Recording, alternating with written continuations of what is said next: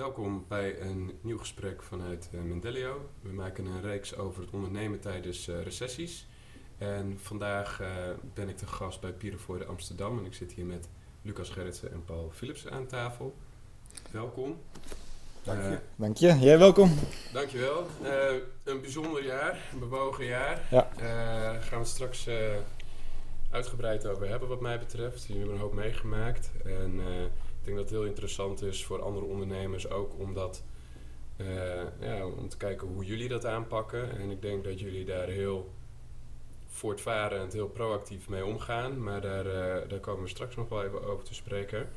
Uh, voordat we daarin duiken, eventjes wat achtergrond over Pierrevoorde Amsterdam. wat doen jullie eigenlijk? We zijn een special effects en een vuurwerkbedrijf. Wij doen internationaal uh, grote shows. En dan kan je denken aan uh, Tomorrowland, Eurovisie. Uh, ja, heel grote dance scene. daar zit al onze core business in. Ehm, en het vertakt nu langzaam wat meer richting de filmwereld. Dat merk ik ook wel hier en daar. Ehm, ik denk dat we heel breed zijn op voornamelijk gebied van festivals. Ja, en, jij bent het bedrijf ooit begonnen, Paul. Ja. Kan je vertellen hoe dit tot stand is gekomen? Uh, ja, dat is wel een lang verhaal, maar ik ben in principe in ik denk 93, 94 ben ik na mijn studie Nederlandse taal en letterkunde, die ik helaas niet heb afgemaakt, ehm, begonnen met een, een, lichtbedrijf, dat heette de Vierde Dimensie. En mijn toenmalige compagnon Frans Arends, die had dat lichtbedrijf al. Ik ben er toen bij gaan zitten en de eerste paar jaar hebben we zeg maar, op de uitkering voor onze vriendinnen uh, ons leven geleden. En waar we eigenlijk, wat we eigenlijk voornamelijk deden was uh, kindertheater. En um, we kwamen er vrij snel achter dat we daar geen geld meer konden verdienen. Dus we zijn corporate events gaan doen. Bedrijfsfeestjes in die tijd. En we deden eigenlijk alleen maar licht. Alleen vanuit de corporate kwam toen de vraag van ja, kun je ook iets met vuurwerk? Toen hebben we dat uitgezocht. En eigenlijk in twee, drie jaar was zeg maar, hebben we al het licht hebben we eruit gegooid, zo ongeveer. En deden we eigenlijk alleen maar vuurwerk. En ik heb heel veel in theater gewerkt. En mijn eerste grote klussen die ik gedaan heb, was allemaal voor Joop van de Ende. Uh, alle musicals die hij toen produceerde, was toen echt wel groot. Uh, Cyrano de musical, Joe de musical, Phantom of the Opera. Um, dat soort shows, uh, daar heb ik heel veel van geleerd. Heel veel van geleerd, vooral over ja, hoe je zeg maar, repetitief je kwaliteit kunt leveren en hoe je dat zeg maar, aan kunt sturen, digitaal. En um, ja, uiteindelijk was toen mijn keuze van dat het volgens mij een stuk eenvoudiger was om goed te zijn in of, of, in ieder geval heel bekend te worden in, in, in, een heel klein niche-marktje. Dat, dat is de special effects uh, bij theaters wel een beetje. Um, dan om de zoveelste lichtoperator te worden in Nederland. Uh, ik heb met Van Ende heel veel mazzel gehad van dat hij, uh, nou, dat hij een paar producties uitbracht waar hij echt wel effecten bij nodig had. En ehm, daarna want ik woonde in Amsterdam. Ik kwam natuurlijk veel in de Roxy en ik kwam veel ja, in het uitgaansleven. En via via leerde ik dan de mannen van IDT kennen. En ik denk dat mijn eerste klus was een Thunderdome in Heerenveen, die ik voor ze deed. En dat zal in 97 geweest zijn of zo, denk ik. En daarna heb ik echt altijd voor, voor, ben ik voor hun blijven werken. In eerste instantie parallel aan mijn uh, theatermarkt. Maar die stortte een beetje in. Um, en um, de dance-industrie die, die, ja, die, die werd echt steeds meer mainstream en steeds groter en steeds commerciëler. En um, ja, die mannen die, die houden wel van een effectje. En ze, ze hadden budgetten en ze hadden grote locaties. En het was voor mij, zeg maar, als ja, eigenlijk artiest wel echt heel erg interessant om te doen en die mogelijkheden te onderzoeken. Um, toen kregen we in 2000 kregen we de grote klap in Enschede. Wat natuurlijk niet handig is als je een vuurlijke special effects bedrijf krijgt. Dus toen hadden we opeens, wat we nu eigenlijk ook hebben, uh, geen werk. En ja, toen, toen was het echt wel moeilijk. Alleen was het toen niet verboden, zal ik maar zeggen. Dus we gingen wel door en we gingen echt wel hard door.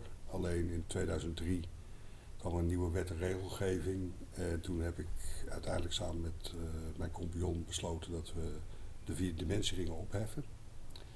Uh, dat had ook te maken met een soort van warme sanering. We hadden heel veel geïnvesteerd in opslag. We hadden hele grote bedrijfspanden om het allemaal uh, te kunnen doen. En Frans had, nou, die, die zag het eigenlijk niet meer zitten.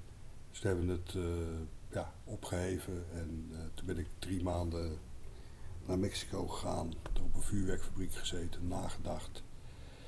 En toen kwam ik weer terug en toen dacht ik van ja, wat kan ik nou eigenlijk, wat wil ik nou eigenlijk? En ik had zoiets van ja, ik wil eigenlijk wil ik gewoon die shows doen die ik altijd doe. Ik vind dat een mooi palet wat ik heb en ik vind dat heel erg interessant om te doen. En het werd ook weer juli. En juli was in die tijd was Sensation. Dat was ja, toch de eerste show die er in een, uh, in een arena-achtige setting was, in de dance. En die wilde ik gewoon weer gaan doen. En die heb ik toen ook weer gedaan. Vanuit dat, die periode heb ik toen Pyro 4 opgericht. Was, in eerste instantie was ik alleen maar mezelf. En ik had al mijn spullen had ik overgekocht van de vierde dimensie. En dat ik ergens in een uh, soort van garage gestald. En ja, daar was het dan. Um, daarna ben ik heel erg doorgegaan in de ja, het ontwerpen van, van shows. Heel veel voor, voor EDM en heel veel voor, voor de dance-industrie. Um, en dat, ja, daar ben ik echt de hele wereld mee overgetrokken, samen met allemaal mensen. En langzamerhand groeide zeg maar, dat bedrijf. Eerst vier mensen, toen vijf mensen. Nou, tot uiteindelijk... Uh, tien mensen. Tien mensen. En toen dacht ik uh, vorig jaar, of eigenlijk dacht ik drie jaar geleden van ja, ik moet, eigenlijk moet ik uh, ik, heb geen kinderen. Ik moet, eigenlijk moet ik mijn zaak aan iemand overdragen. Dat heb ik heel lang onderzocht, een jaartje of drie. In verschillende, met verschillende mensen gepraat, verschillende modellen onderzocht.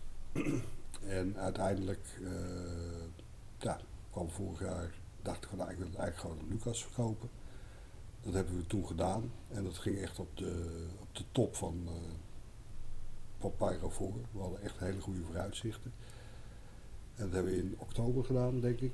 Ja, november. november. Hebben we stukken getekend. Ja. En, toen was het december. Nou, dat ging goed. Toen kwam januari. En toen uh, hadden we uh, een event in Thailand. En we hadden de container ook al verstuurd om daar het uit te voeren te doen. En uh, het vuurwerk laten maken. En dat was eigenlijk de eerste die eruit klapte vanwege de coronacrisis. En toen dachten we, ver van ons bedshow. Dus dat duurt nog eventjes voordat uh, het hier het besef kwam. En uh, opvolgend uh, hadden we nog wel een aantal wat, wat, wat ja, kleinere projecten, laten we zeggen. En toen werd het al maart, toen werd het echt duidelijk. toen waren wij start klaar, trailer geladen om naar Tomorrowland in de winter, de West, te vertrekken. En toen kregen we een telefoontje dat die ook gecanceld was. En ik vanaf dat punt, het was het even twee weken crisis. Ja, hoe voelde dat? Weet je nog hoe... Ja, ja, ja, ja, ja, ja. Ja, we zaten even met Paul hier veel, uh, met personeel, uh, je zat met iedereen. Kijk, uh, we willen alles en iedereen graag duidelijkheid schaffen, bij elkaar houden. wat gebeurt er? Het is internationaal. Um, ja, dat heeft me wel even pijn gedaan. Wel uh, thuis gezeten en nu uh, net alles overgenomen. Uh, kijk, je, je denkt natuurlijk wat, wat is het allerergste wat je kan gebeuren. Ehm, nou ja, het allerergste is dat je alles kwijtraakt. Dat is het allerergste.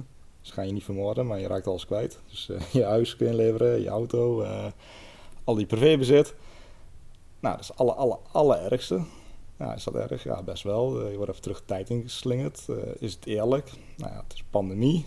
Kunnen we wat aan doen? Kan de overheid wat aan doen? Kan de wereld er wat aan doen? Nou ja, uh, ga je over nadenken. En dan denk je, hoe, zit het allemaal en, en hoe gaan we dat doen in de toekomst? En wij waren ook zo ongelooflijk druk um, eind de afgelopen jaren dat we onszelf ook geen ruimte gaven om nieuwe business te ontdekken. En ja, waren ons portefeuille vol. Uh, elk weekend zat bijna vol. Door de week was gewoon druk. Ehm, de, de zomers waren extreem vol. Uh, en de Eurovisie kwam erbij. Um, ja, bedenk het allemaal wat. Het, het, ging maar door, ging maar door, ging maar door. En in één keer is alles weg. En ik even stil. En dan, ja, dan, dan, dan zoek je toch een soort van connectie. En dat is inderdaad naar je personeel toe, naar je klanten toe. Ja, je kunt een, een, mail sturen, een hart onder de riem steken. Uh, dat kan allemaal. Dat was in het begin, dat was een beetje paniekvoetbal. En nu denk ik twee maar weken... In het begin hadden we ook het idee van, nou ja, hoe krijgen we het, houden we het bedrijf staande en kunnen we dan in juni, wat zeg maar min of meer de start van het seizoen is, ja. uh, kunnen we dan gewoon weer de grote festivals gaan behappen? Hoe gaan we dat halen? Die positiviteit was er nog, hè? want we maakten prognose na prognose na prognose. Uh, kijk, het, het, was dus uh, februari. Nou ja, uh, jongens, in mei gaan we opstarten. In mei, gaat, mei komt het weer goed. Nou, Oké, dan werd het alweer snel september. In september was mijn datum, ja, Ja, en nou, dan ga je daar de prognose op maken. Komt goed, komt goed, komt goed. We zitten nu in september en je volgt de nieuws en berichtgeving, volgen we allemaal. En uh, het is wachten op een vaccin en hoe gaat het vaccin zich uitrollen. Nou, niemand weet het. Um, dus ja, dat is spannend. En in die tussentijd uh, zijn we wel, uh, ook onder andere bij jou dan, Merwin, dat we eigenlijk bij elkaar kwamen. Om heel goed te kijken, wat is Pyrofoor? Wat doet Pyrofoor normaal? Wat hebben wij intern? Wat, wat voor competenties hebben wij? En hoe kunnen we dit in een nieuw jasje gieten en nieuwe markten mee aanboren. Juist, dus je had in eerste instantie zoiets van: het is een tijdelijk iets, we moeten het even uitzingen, maar het komt wel weer goed. Uh, ik herinner me ook nog dat er heel veel onzekerheid was bij iedereen in die periode. Iedereen zat ook te speculeren over ja, wanneer dan weer en hoe gaat het dan verder, et cetera.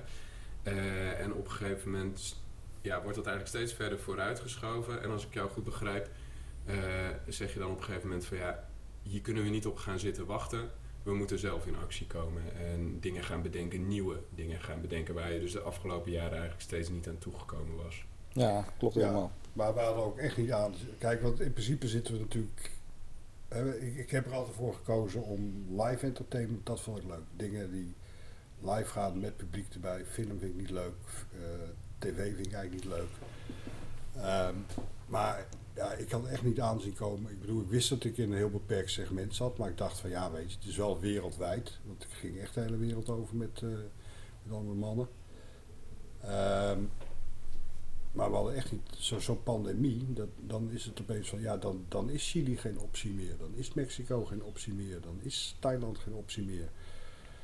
En dan merk je toch dat je ja, op de een of andere manier toch weer te beperkt was. Terwijl je dacht dat je het nog wel redelijk gespreid had.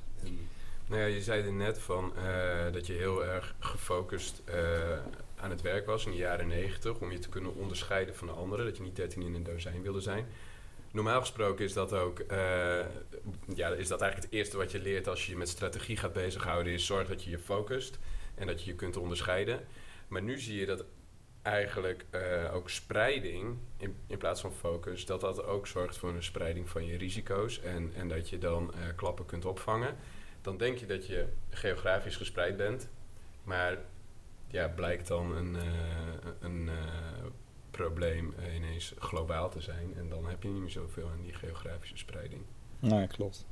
Nee, het is heel bijzonder. Maar wat ik wel denk is dat we, we zijn wel blijven geloven in Pyrofoor en die focus op zeg maar niet 13 in dozijn en de, de, de, de kwaliteit die je wil leveren, die drive, dat je, dat je gewoon de beste wil zijn en uh, nieuwe dingen wil doen, die hebben we niet weggegooid. Dat, dat is nog steeds een kernwaarde van, mm -hmm. uh, van Pyrofoor. En vanuit daaruit gaan we ook andere gebieden onderzoeken. Mm. Nou, sterker nog, niet weggegooid. We zijn zelfs op aan het investeren. Uh, als de markt weer open gaat om weer drie stappen verder te zijn. Dus, dus daar zijn we wel continu mee bezig. Dan moet je wel denken in de programmatie en de, ja, visualisatie, de vernieuwing en de, alle technieken die er zijn. Uh, steken we veel tijd in, ook nu. Uh, uiteindelijk, het gaat weer een keer door. Daar ben ik van overtuigd. Ja, dus enerzijds ben je je aan het voorbereiden op uh, nou ja, wanneer de business weer verder gaat. Anderzijds ben je ook bezig om uh, nieuwe dingen te ontwikkelen, om nieuwe business te genereren, om uh, ja, toch, waar we het eigenlijk net over hadden, om dat risico te spreiden en, en andere inkomstenstromen ja. te genereren. Ja, we hebben destijds bij elkaar gezeten, een aantal ondernemers en werknemers bij elkaar. En we gingen die dag samen met jou nieuwe ideeën bedenken. Ik weet nog dat we eind van de dag 47 ideeën op papier hadden staan. Mhm die we geëvalueerd hebben, teruggebracht hebben naar 7. Dat is ook een soort van magisch getal. Hm. En um, die zijn we ook aan het uitvoeren. En een daarvan, die kunnen we ook wel bekendmaken. Dat is de Legends of Airsoft beurs in de Expo Houten. Dat is van 12 tot 15 november. Ik nodig ook iedereen uit om te komen. Um, het is een ander iets, een organisatie van een beurs. Aan de ene kant kun je denken dat ligt heel ver weg van onze core business. Maar nu we ermee bezig zijn, zien we zoveel raakvlakken met onze eigen business. Wat voor raakvlakken moet ik dan aan denken? Um, als wij op grote festivals staan en we werken met veel artiesten. En artiesten hebben managers en managers hebben riders. Die stellen ze op van hun artiesten. En daar staat van alles in. Uh, ze moeten showwise moeten flinke upgrades komen. Een grote naam moet een grote show. Dat is gewoon een feit. En, en dat kan met heel veel vuurwerk, met CO2, confetti, heel veel vlammen, eh, bedenk het allemaal wat. Maar dat moet je managen. Dat, dat, dat, je moet goed uh, communiceren, aanbieden wat je hebt. Uh, een festival heeft natuurlijk ook niet oneindig vermogen om uit te geven aan een headliner om aan al zijn wensen te voldoen. Dus wat doen we daarin? We geven mensen een kans om, om bij ons een soort upgrade pakket te kopen, laat maar zeggen. Dus, dus, dus, we gaan, ja, willen mensen een extra shot vuurwerk of een eindshow erin of wat dan ook, dan, dan bieden wij dat aan. En dan kunnen ze zelf of bepalen, ze kunnen zelf een show inrichten op dat gebied. Los van wat de evenementenorganisatie hun al biedt. En dat, dat, dat is een tak van sport, heel erg leuk is. Uh, en, en ja, wat ook wel echt next level is. En, en, en dat merk je met exposanten ook. Uh, je biedt ze iets aan, je geeft ze keuze. Ze moeten aanvoelen waar ze zich thuis voelen. En hun hebben ook een soort van eigen show. Als een exploitant komt, ze geven een eigen show, eh, laten we zeggen. Ze laten nieuwe producten zien. Of misschien hebben ze weer een verkooptactiek eh, die ze daar willen toepassen. We hebben ook bijvoorbeeld een conference rooms. En dan gaan we live streamen op YouTube. En dan kunnen ze ook weer heel veel bereik halen. En dan momenteel is het ook zo dat de coronacrisis ervoor zorgt dat de capaciteit binnen expo halte uh, tamelijk laag is. We kunnen maar 860 mensen per dag kwijt. En daarin hebben we bedacht, nou dan laten we met tijdslots gaan werken. Laten we meerdere tijdslots, twee tijdslots op een dag. En dan kunnen we dus toch twee keer die 860 mensen kwijt. En dan kunnen we kijken, misschien gaan we twee dagen, misschien gaan we naar drie dagen. En misschien gaan we zelfs naar vier dagen. Uh, afwachtend van hoe groot is het animo uh, voor deze beurs. En we daarbij ook om kijken. Uh, de Airsoft is eigenlijk wel een, een, een soort ja, tamelijk realistisch militair iets. En dan moet je eigenlijk denken aan games like uh, Call of Duty, Battlefield. En dat zit helemaal vol met explosies. Dat zit vol met SFX. Dat zit vol met allemaal, maar dan digitaal. En nu zie je dat die mensen ook naar locaties gaan in Nederland of naar festivals ver in het buitenland om daaraan te participeren. En dus wat dat betreft, al die actie en gimmicks, die kunnen wij dus ook nog een keer toevoegen aan zo'n beurs. Je kunt nog realistisch maken. Maar dat is eigenlijk ook wel de opstap geweest, stepping stone naar uh, de beurs. Om eerst te kijken of in de sportwereld waar die mensen in zitten, of we daar uh, special effects en vuurwerk konden toevoegen. Ja, duidelijk. Ik denk dat het heel mooi is dat je op zoek gaat naar uh, wel degelijk een andere branche. Dus die op een andere manier, of misschien niet wordt geraakt door corona. Of in ieder geval op een andere manier dan wij voorheen werkzaam was. Maar dat je tegelijkertijd hebt gekeken naar ja, waar zijn wij goed in Um, en uh, wat kunnen wij bieden, uh, zodat we niet alles opnieuw hoeven uit te vinden, maar wel vanuit onze eigen kracht eigenlijk iets mm. nieuws gaan ontwikkelen. Ja, dat heeft Paul natuurlijk in het verleden ook gedaan. Voor, voor dat denk van het licht naar het vuurwerk. Ja, ik wilde daar nog eventjes iets over vragen. Want hoe is die transitie destijds gegaan? Is dat iets wat je is overkomen? Of heb je daar hele bewuste keuzes in gemaakt? Of uh, weet je nog hoe dat uh, destijds ging? Ik denk aan Mexico wel heel erg. Nee, ik denk dat het me wel een beetje overkwam. Het was zeg maar, we waren een lichtbedrijf en we kregen de vraag over uh, vuurwerk. En ehm, toen heeft Frans, mijn, mijn, businesspartner, toen die hebben toen heel serieus zeg maar, uh, cursussen laten volgen in Duitsland. Ik heb stage gelopen in, uh, in diverse landen. En ik vond het vanuit mijn theaterachtergrond en ook wel een beetje, ja, toch een soort, ik lees veel boeken, kijk veel naar kunst, vond ik het een heel mooi beperkt palet van iedereen begrijpt vuurwerk. Ik bedoel, het is, ja, het is toch een beetje, ja, een soort van mannending is het wel. Maar aan de andere kant, de ontwerpen die ik maak zijn vaak ook weer heel erg gay of female of hoe je het ook maar wil noemen. En ik, ik vond het echt uh, ja, heel erg interessant. En ja, zoals gezegd, er zijn niet zo heel veel mensen die het doen. Uh, en, ja, mijn mix zeg maar, met mijn theaterervaring en het beperkte palet van vuurwerk, ja, dat, dat was gewoon wat mij heel erg triggerde. En, en elke keer als ik weer een show ging doen, deed ik altijd meer dan dat ik eigenlijk kon. Dat is eigenlijk altijd zo gebleven. En dat is nu in die coronatijd ook weer van ja, we gaan een beurs doen. Ja, we hebben geen idee eigenlijk. Maar uh, we denken dat we het wel kunnen. Nou, en daarnaast uh, kijk je niet alleen naar je mogelijkheden, maar ook hoor ik heel duidelijk naar waar je enthousiast van wordt. Ja. Uh, dus het moment wat je net omschreef in Mexico, van ja, waar ligt nou eigenlijk mijn passie? Wat wil ik nou eigenlijk gaan doen?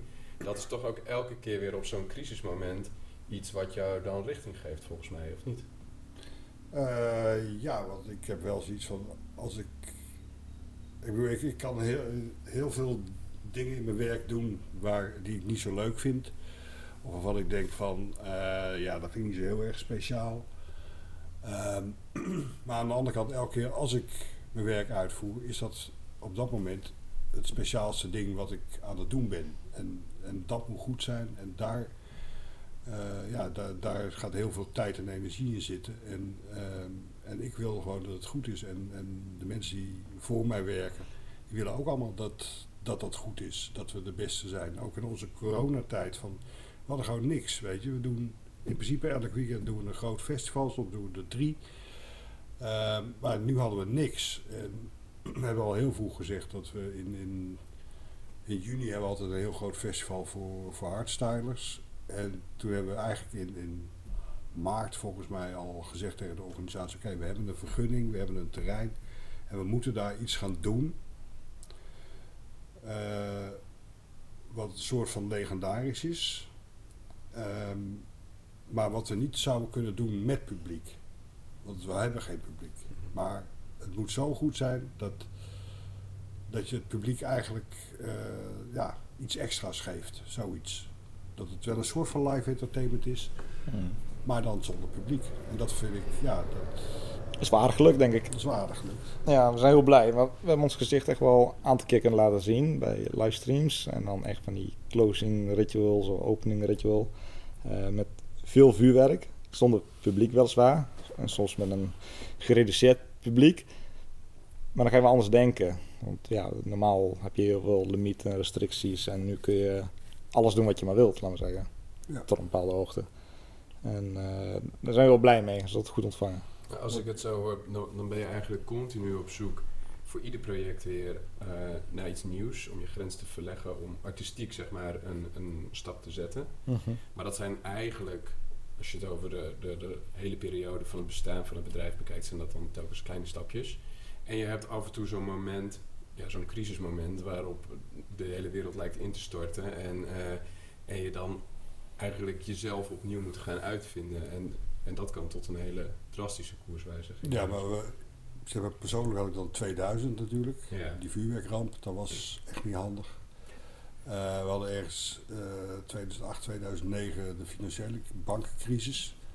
Hadden we geen last van? Daar hadden we eigenlijk geen last van, omdat uh, iedereen ging feesten als een dolle. En, en die feesten die gingen echt sky high. En we gingen de hele wereld over met, uh, met alle DJ's en alle festivals en alle evenementen. Maar het was natuurlijk wel een uh, serieuze crisis. ja, nu hebben we dit. Ja, dit is weer geheel anders. Kijk, het heeft de financiële crisis, toen kreeg ik zoveel feesten, zoveel aanbod. Dat ik een paar keer op de rem heb getrapt. van dat ik zei van nee, die organisator komt naar me toe en die zegt van ja, ik wil jou hebben. Ik zeg ja, maar ik, ik wil gewoon mijn klant goed kunnen verzorgen en ik wil er goed over na kunnen denken. En ik wil mijn kwaliteit kunnen handhaven. Dat kan ik nu niet, dus gaan we naar die en die toe. En uh, laat die het dan maar doen. En dus, maar aan de andere kant wel altijd één stapje verder en uiteindelijk toch, ja, je hebt, eigenlijk heb je altijd te veel werk. Uh, waardoor, je, waardoor je je kwaliteit wel uh, kunt garanderen, want je hebt ook wel een beetje, beetje body. Um, maar ja, het, nu merk je van, ja, het kan ook zomaar gebeuren dat je helemaal niks hebt. En dat is heel erg interessant en fascinerend om mee te maken. Dat, dat dan weer wel. Dat is wel een, uh, een nieuwe situatie, toch? Dit is een nieuwe situatie. Ja. ja. ja. en af en toe word je er helemaal gillend gek van. En soms is het ook echt leuk om, om weer iets te bedenken en daar keihard in te gaan. En ik weet ook wel dat het niet meteen de, de, de, de omzetten gaat genereren die, die we nodig hebben.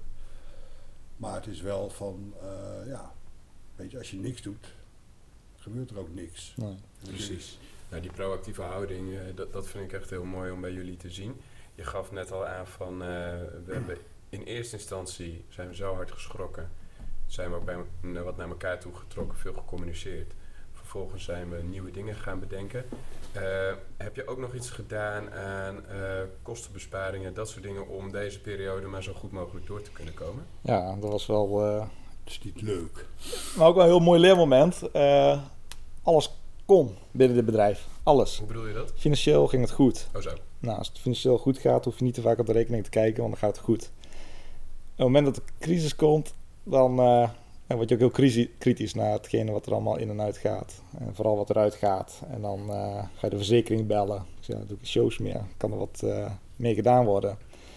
En dan uh, ga je de vrachtwagen schorsen. En dan kijk je naar het wagenpark. En dan kijk je naar alle tekenlicentie, programmatielicenties, Illustrator, Photoshop. Denk het allemaal wat. Al die hele Adobe-pakketten.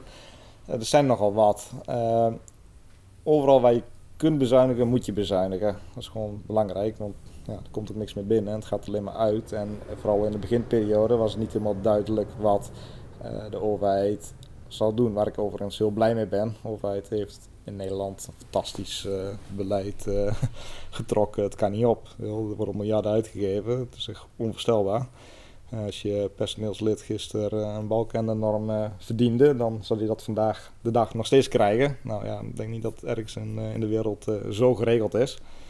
Ik kreeg ook natuurlijk de onkostenvergoeding vanuit de overheid, uh, de nauwregeling. En het wordt steeds strakker en strakker en strakker, wat ook begrijpelijk is. Um, maar dat is goed geregeld. En daarnaast dan je bezuinigingen ernaast. Dus dat dat, ja, je moet, je moet gewoon kijken dat je een soort van comatieuze toestand uh, bedrijf kan zetten.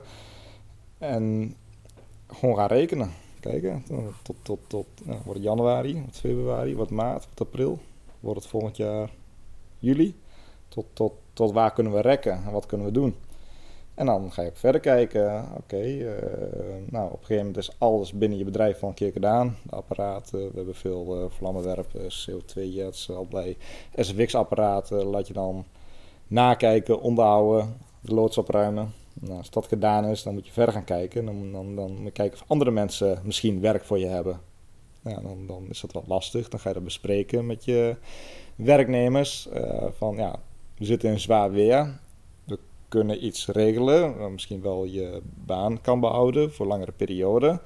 Maar dan moet je alternatieve werkzaamheden verrichten. Hoe staan jullie daarin? En daar is op zich wel heel positief op gereageerd.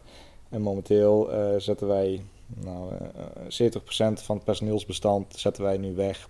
Of in de bouw, of in de elektra, of op de vrachtwagen. Um, en het is allemaal niet, ja, niet voor de hoofdprijs.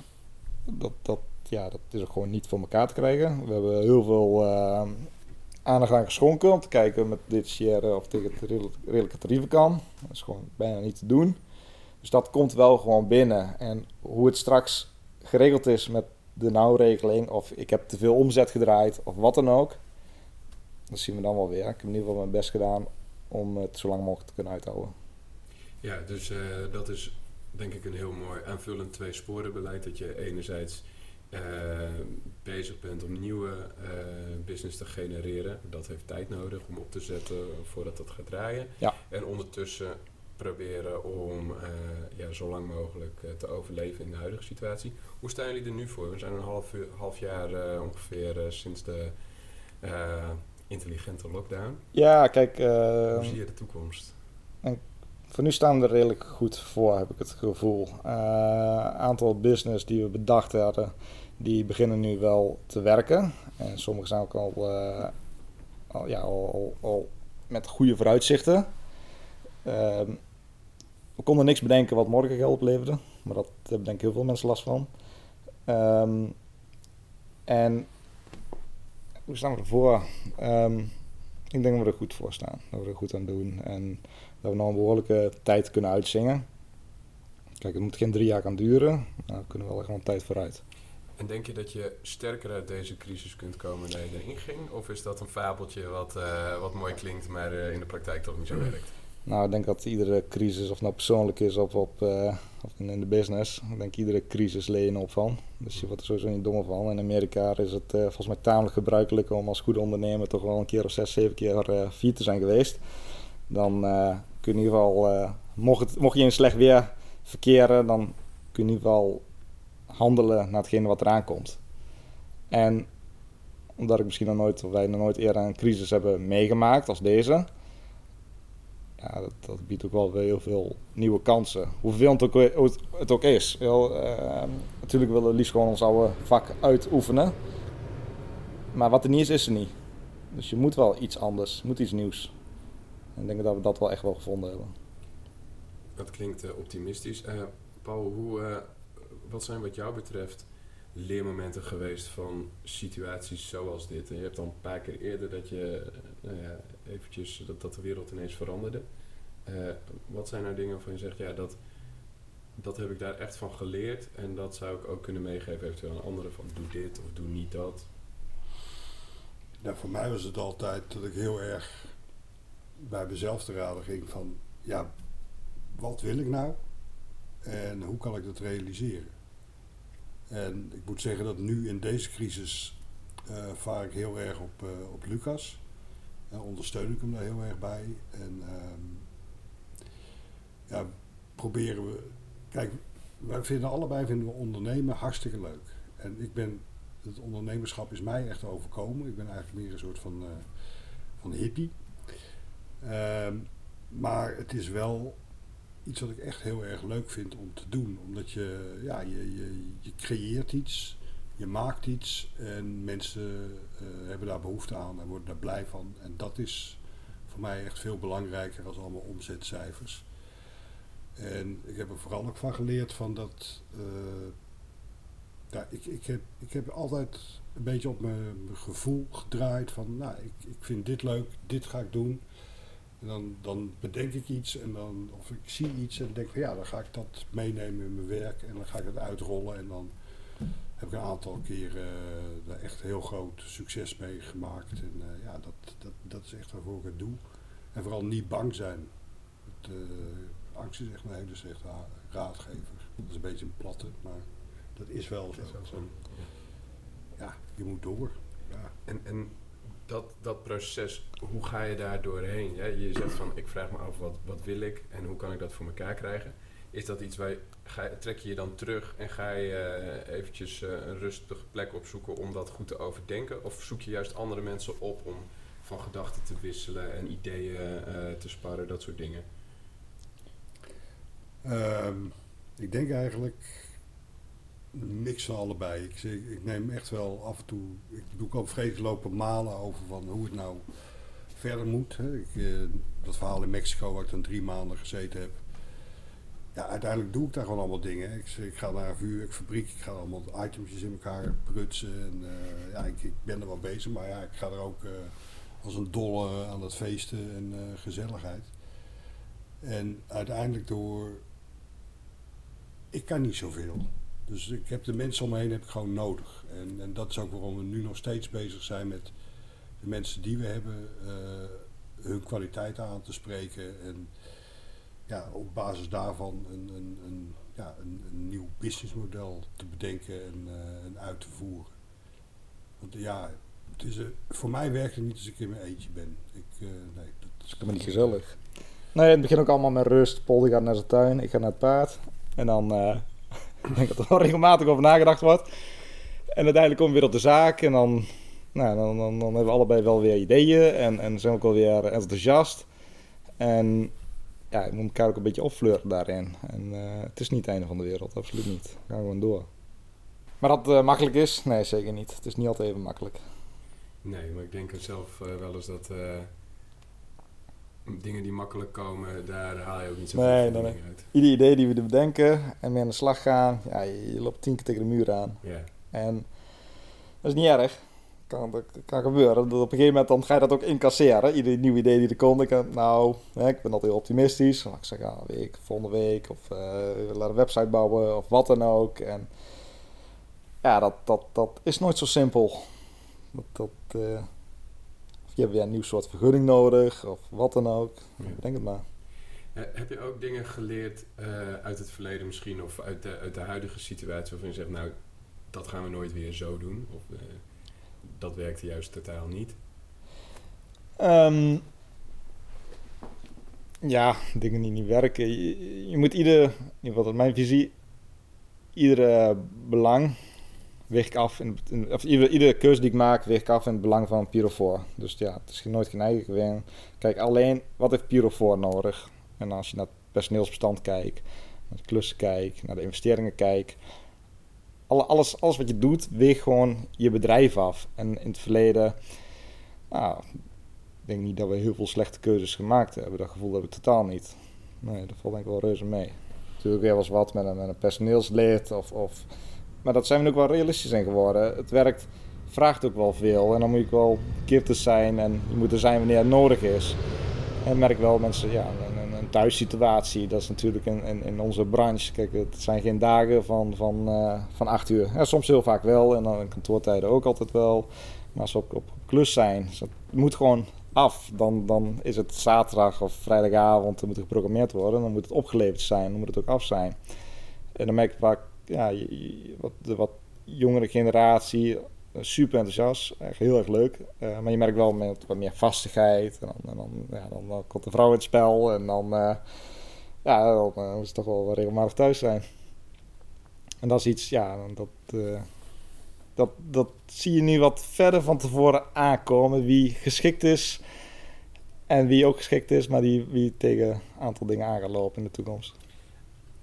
Hoe doen jullie dat? Uh, jij gaf het net ook al aan, Paul, dat je het heel belangrijk vindt dat je juist de mensen om je heen verzamelt. Dat is natuurlijk een beetje een, uh, een open deur, maar, maar hoe doe je dat nou? Hoe zorg je nou dat je de juiste mensen weet te vinden? Hoe herken je ze? Hoe nou, bind je ze aan je? Het begint altijd met een goede barbecue, denk ik.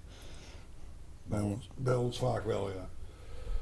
Um, ja. Vaak komen de mensen gewoon in het veld wel tegen. Maar dat gaat dan meer op een, uh, een uitvoerdersniveau. En ja, ik heb zo'n jongen, die, die, die ken ik ook al 15, 20 jaar. Die hebben we nu in dienst. En die was vroeger was hij al een uitzendkracht. Daar heb ik 10, 15 jaar geleden tegen hem gezegd van joh, daar moet je mee ophouden. Je moet gewoon of bij mij in dienst komen of uh, zelfstandig iets gaan doen. Nou, dat heeft hem heel veel tijd gekost dat hij die beslissing had genomen dat hij iets zelfstandig ging doen. En toen zijn we volgens mij drie, vier jaar geleden ben ik met Lucas naar hem toe gereden en gezegd van ja, ik wil jou nou toch gewoon dienst hebben, want je zit nu de hele tijd uh, bij een andere partij iets te doen en voor mij uh, kun je beter uh, bij mij werken. En ja, dat is dan een vrij makkelijke keuze voor mij, omdat ik hem echt wel heel goed ken. En ja, vaak is het toch van ja, de vraag is een beetje rond, soms komen mensen gewoon binnen. Ja. Suzanne die kom ik binnen. Ja, uh, stagelopers natuurlijk. Dat is ook altijd heel grappig. Hè? Op het moment dat je stagelopers binnen je bedrijf hebt, dan uh, zie je een soort van zorgwerking van het vaste personeel naar de stagelopers. Dat is ook heel grappig om te zien. De stagelopers hebben veel begeleiding nodig. Ja, soms zit er ook een paar al tussen. En, dat, dat, dat, wil je gewoon in je bedrijf hebben. Maar dat zie je ook aan die jongens. Dan hebben ze echt super goed naar de zin. Altijd enthousiast. En, en Bij ons zitten we elke dinsdag aan tafel. Ja, nu even niet dan, maar normaal zitten we elke dinsdag aan tafel. En dan bespreken we gewoon openlijk de klussen. En dan is het gewoon handen opsteken bij welk project. En soms nog een beetje schuiven. Maar ja, het is nooit... Uh, het gaat altijd vanzelf. We hadden het net al eventjes over het uh, continu innoveren van het bedrijf met kleine stapjes en af en toe ook met grote stappen. Uh, kun je misschien nog iets meer vertellen over de technologische ontwikkelingen die er hebben plaatsgevonden en hoe je dat dan uh, ja, inbouwt in het bedrijf? Zeg maar. Um, nou, ik heb techniek heb ik altijd fascinerend gevonden en echt heel erg leuk. Uh, ik hou gewoon van mooie techniek.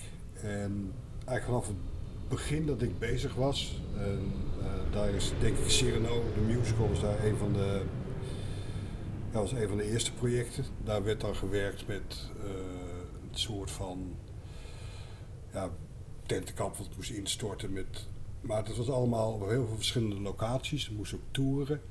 Dus toen ben ik begonnen om een, zeg maar, een elektronisch computergestuurd systeem voor het afsteken van die effecten uh, te kopen en uit te werken. En daarin mensen op te leiden die ermee konden toeren. Daarna kregen we Joe the Musical en daar gebruikten ze eigenlijk een techniek die, die ook al uit de, de popwereld kwam. Uh, dingen met uh, MIDI show control, met uh, tijdcode dingen. en daar heb ik toen zeg maar van geleerd van hoe je die technieken kunt gebruiken in de shows die ik dan moest doen. Dus als daar een vliegtuig moest exploderen, dan werd dat getriggerd door een audiofile en uh, dat soort dingen. En toen ging ik uiteindelijk ging door in die dance. En de eerste keer Sensation uh, had ik eigenlijk geen idee waar ik in terecht zou komen. Nou ja, oké, dat was ook de eerste keer, dus niemand had enig idee. maar ik kwam er wel achter dat ik de muziek niet begreep. Dat, was niet mijn muziek. Toen het tweede jaar kwam Duncan met het verhaal van oké, we gaan een megamix doen. Wat is dat? Ja, dat is 30 minuten muziek die we hebben gepremixed en uh, oké. Toen bedacht ik me van ja, maar dit klinkt echt allemaal hetzelfde. Met, dus dat, dat ging ook niet heel erg lekker. Toen zei ik van nou weet je wat, dan gaan we met tijdcode werken. En dan programmeer ik dat op tijd. En dan, uh, ja, tijdcode, dat hebben we niet, dat begrijpen we niet. Ik zeg, ja, maar het moet toch. Nee, dat, we doen wel 3, 2, 1, go. Dus dan cd-speler aan, computer aan en dan liep het sync. Synchroon. Uh, dat werkte, de eerste 10, 15 minuten, totdat ik zag van, hey, ik loop helemaal niet meer sync. En ik kijk Duncan aan en ik zeg, Duncan, wat is er gebeurd? Ja, ik vond iets iets te matjes. Ik heb even 10% opgepitcht. Dus de track liep sneller. Alleen mijn computer wist dat niet. Dus ik zeg van nou, wat er ook gebeurt. Volgend jaar gaan we iets doen met tijdcode. Um, dat in combinatie met, met zeg maar steeds meer geavanceerde. Uh, dat, dat hebben we daarna wel uitgerold in, in, in allemaal shows. Met, met Armin, met uh, Chesto, uh, met Tomorrowland. Maar we gebruikten die tijdcode om de, om de effecten strak te zetten, waardoor mijn designs beter uitkwamen. We gebruiken heel geavanceerde stuurtafels, eigenlijk een beetje overgedesigned om al onze andere effecten aan te sturen. Uh, daar heb ik altijd heel veel geld in gestopt en dat vind ik ook gewoon leuk en ik vind dat het ook moet, omdat uiteindelijk die techniek, als je hem goed onder de knie hebt, kun je ook zeg maar een soort van garanderen dat wat je zegt, dat het ook gebeurt. En het geeft gewoon een extra dimensie aan je, aan je ontwerp. Omdat je, ja, je kunt dat van tevoren veel beter in elkaar steken. En dat is gewoon echt heel erg uh, ja, belangrijk. Um, toen op een gegeven moment kwamen we erachter dat uh, ja, bij Tomorrowland vroeg ik van uh, ja, mag ik dan de tracks hebben van een DJ. En toen zei ze van ja, ja, ja hoe dan? Ja, dan, kan, dan kunnen we dat uh, zeg maar strak leggen, de eindshows. Dat is wel een soort van ijs, oké. Nou, die kreeg ik dan. Maar op een gegeven moment wilden de DJ's dat niet meer. En toen kwam er weer een nieuwe techniek, dat je de CD-spelers in een netwerk gooide en dan kon je de, kon je de CD-speler uitlezen van hoe die track is opgebouwd. En daaraan kon je dan uiteindelijk je effecten weer uh, koppelen. En ja, zo elke keer is er weer een soort van nieuwe techniek die er is. Nieuwe apparaten, nieuwe machines, nieuwe manieren van dingen uh, coördineren. Je kunt met, met, met GPS kun je dingen uiteindelijk aansturen. en we de laatste paar jaar zijn we vooral heel erg veel bezig geweest met nieuwe manieren van programmeren. Met heel veel visuals, zodat je van tevoren beter kunt zien van wat je aan het doen bent. Of het genoeg is. Of het genoeg is, of het niet gewoon te veel is. Dat die kostenkant is dan ook weer interessant. En, uh, en je kunt hele andere perspectieven eindloos uitproberen. En, en ja, normaal met vuurwerk, hij steekt af, het is weg. Maar met die, met, die, met die nieuwe technieken is het van ja, je, je kunt er heel erg aan lopen prutsen en pielen. En, en dat het daardoor gewoon nog weer beter is dan dat je in eerste instantie. Ik bedoel, al mijn shows waren legendarisch, dat is gewoon zo. Maar ze worden ook, als ik mijn oude shows terugzie, dan denk ik van nou Paul, daar heb je wel heel erg uh, over opgewonden. Maar eigenlijk is het drie keer niks. Maar in die tijd was het legendarisch. Dat ja. ja, fantastisch. Nou, dat is dan het gebied van, van programmeren. Kijk, we zijn ook helemaal teruggegaan en we komen ook van ver. Voorbereiding. Ja, voorbereiding. Vroeger was Paul een bierveeltje en uh, nou, dit, uh, ja, prima. En toen uh, begonnen we langzaam met wat simpele tekenprogrammaatjes en zelfs begonnen met Paint. En later kwam er een of andere CAD-software. De lichtbedrijven werkten, sommige lichtbedrijven, producenten werkten in CAD-software. Dus nou, cursusje gevolgd, licentie gekocht. Nou, toen begon het en toen werd het alweer groter. En toen hadden we net geïnvesteerd in het ene pakket. En toen ging iedereen weer naar het andere pakket. Dus komt het ene pakket weer laten gaan en we investeren in een nieuw pakket. En uiteindelijk konden we dus ja, hoogwaardig technisch meetekenen binnen de tekeningen van de hele techniek. En daardoor is het op één, uh, één op één uh, een, een vuurpositie in vlam op die plek. Dan staat hij op die plek. En stroomplannen, alles en tellijsten. En dan gaat dat weer door naar offertsystemen.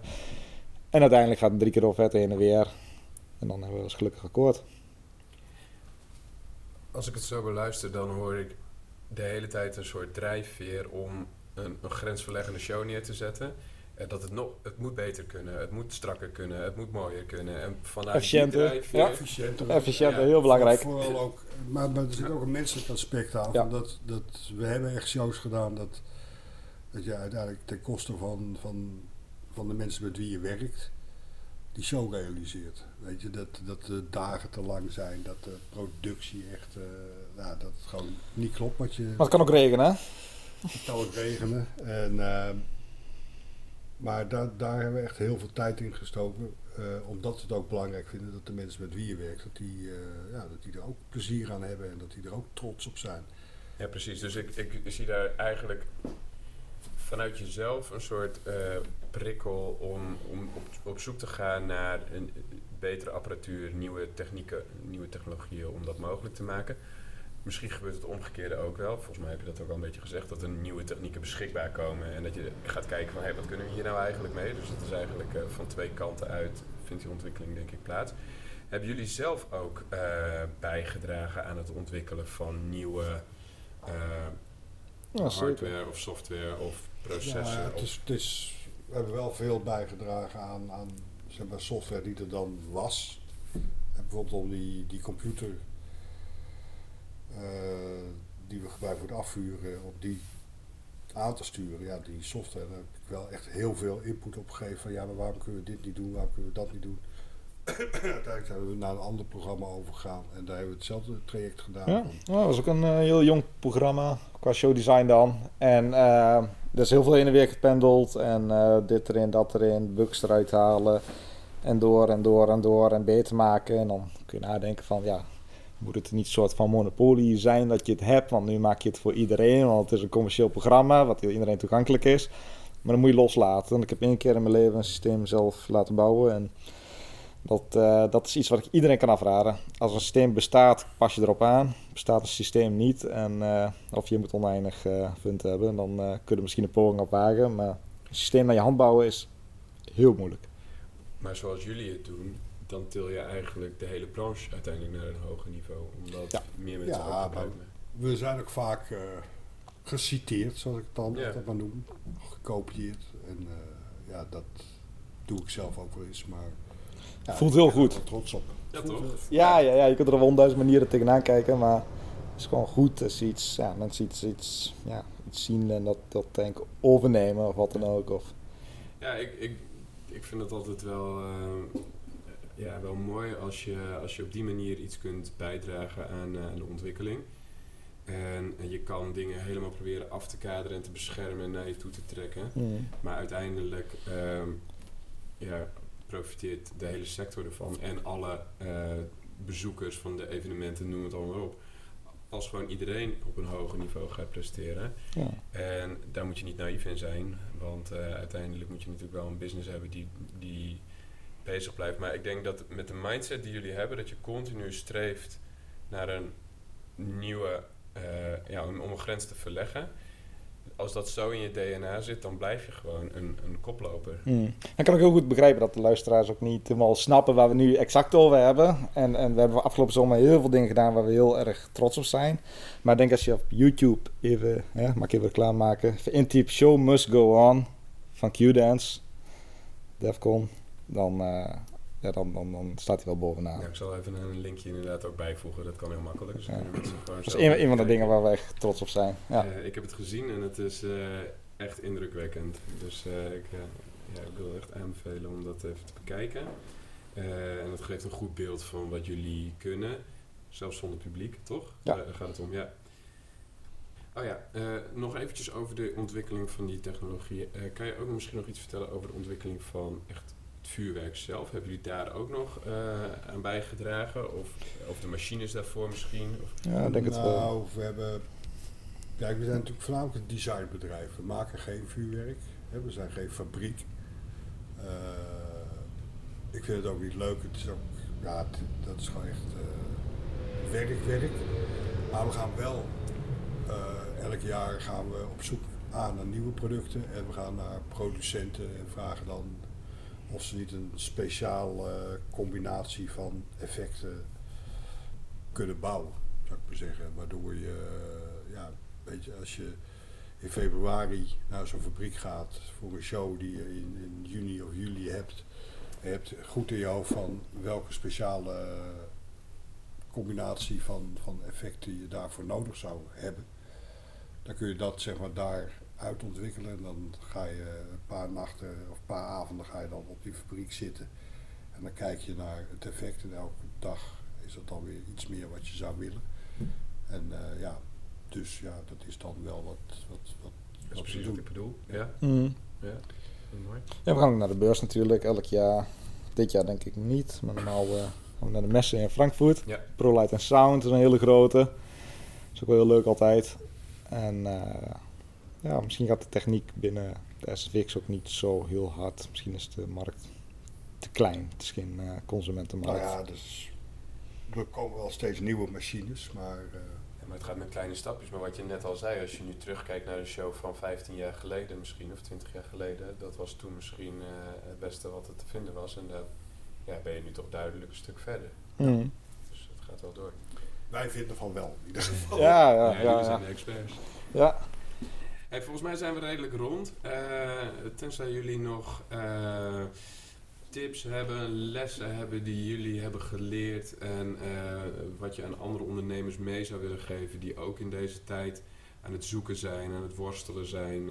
Um, zijn, er nog dingen die je wilde toevoegen?